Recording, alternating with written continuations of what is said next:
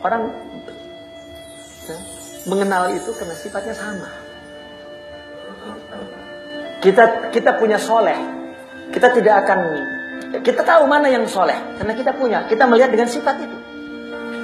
Artinya dengan nusrah, dengan uh, kopi yang ada dalam diri kita.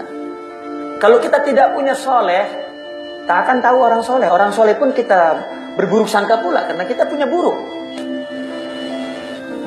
Ih, orang soleh ini ria karena dia yang ria.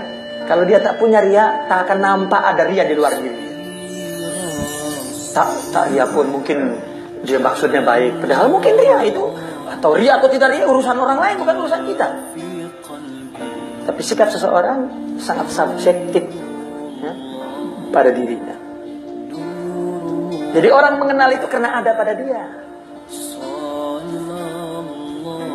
Maka setiap orang yang tengah menekuni bidang tertentu dia akan mencari orang yang tengah menekuni. Oh, ini dia yang aku cari karena dia punya sifat yang sama dia miliki. Hatta kita dengan suami istri, kenapa menjadi rapat, tak, tidak cerai, karena punya sifat sama. Nah, sifat beda itulah yang membuat ada kesamaan. Kalau tidak ada beda, tidak merasa bahwa ada sama. Tapi kalau berbedanya lebih banyak, cerai langsung. Bahkan dia membantah ada kesamaan.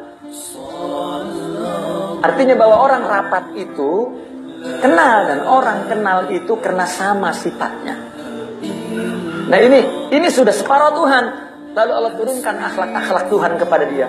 Maka dia mengenal Allah melalui dirinya. Begitu dikasih musibah, ya, maka musibah dari Allah. Karena itu ciptaan. Maka dia Allah kasih sabar. Allah. Maka dia akan dengan sabarnya dia mengenal.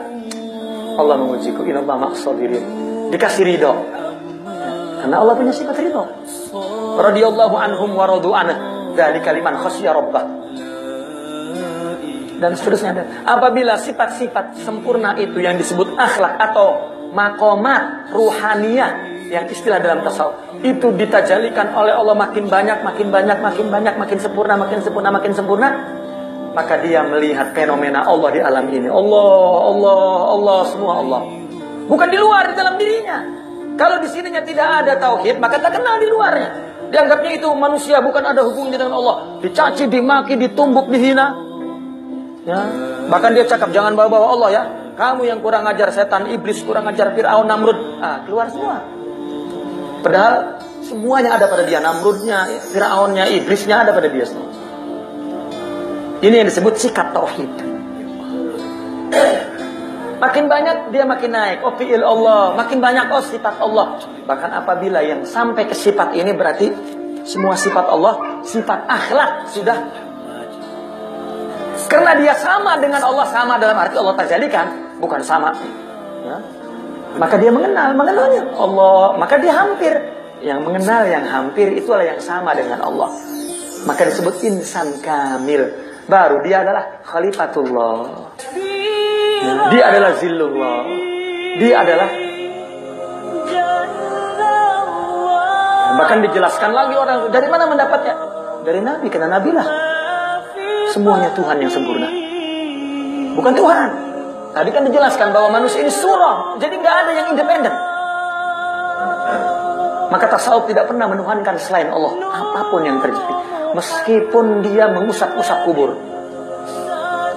Nah mereka yang mengatakan itu syirik itu melihat dari fenomena amalia keagamaan. Bukan tauhid menjadi problem rohani. Bukan. Maka orang yang mengatakan bahwa orang yang tawasul itu syirik, yang syirik sebetulnya iya. Karena telah menganggap ada selain Allah secara independen. Sedang orang syirik sudah selesai. Bahwa manusia ini hanya bayangan yang dalam cermin. Di sinilah problemnya. Kenapa manusia jadi lemah? Tauhid ahli sunnah yang sebenarnya yang ada di dada. Ahli sunnah yang selama ini hanya ada pada simbol sufi itu yang dikubur oleh orang barat agar Islam tidak punya ruhnya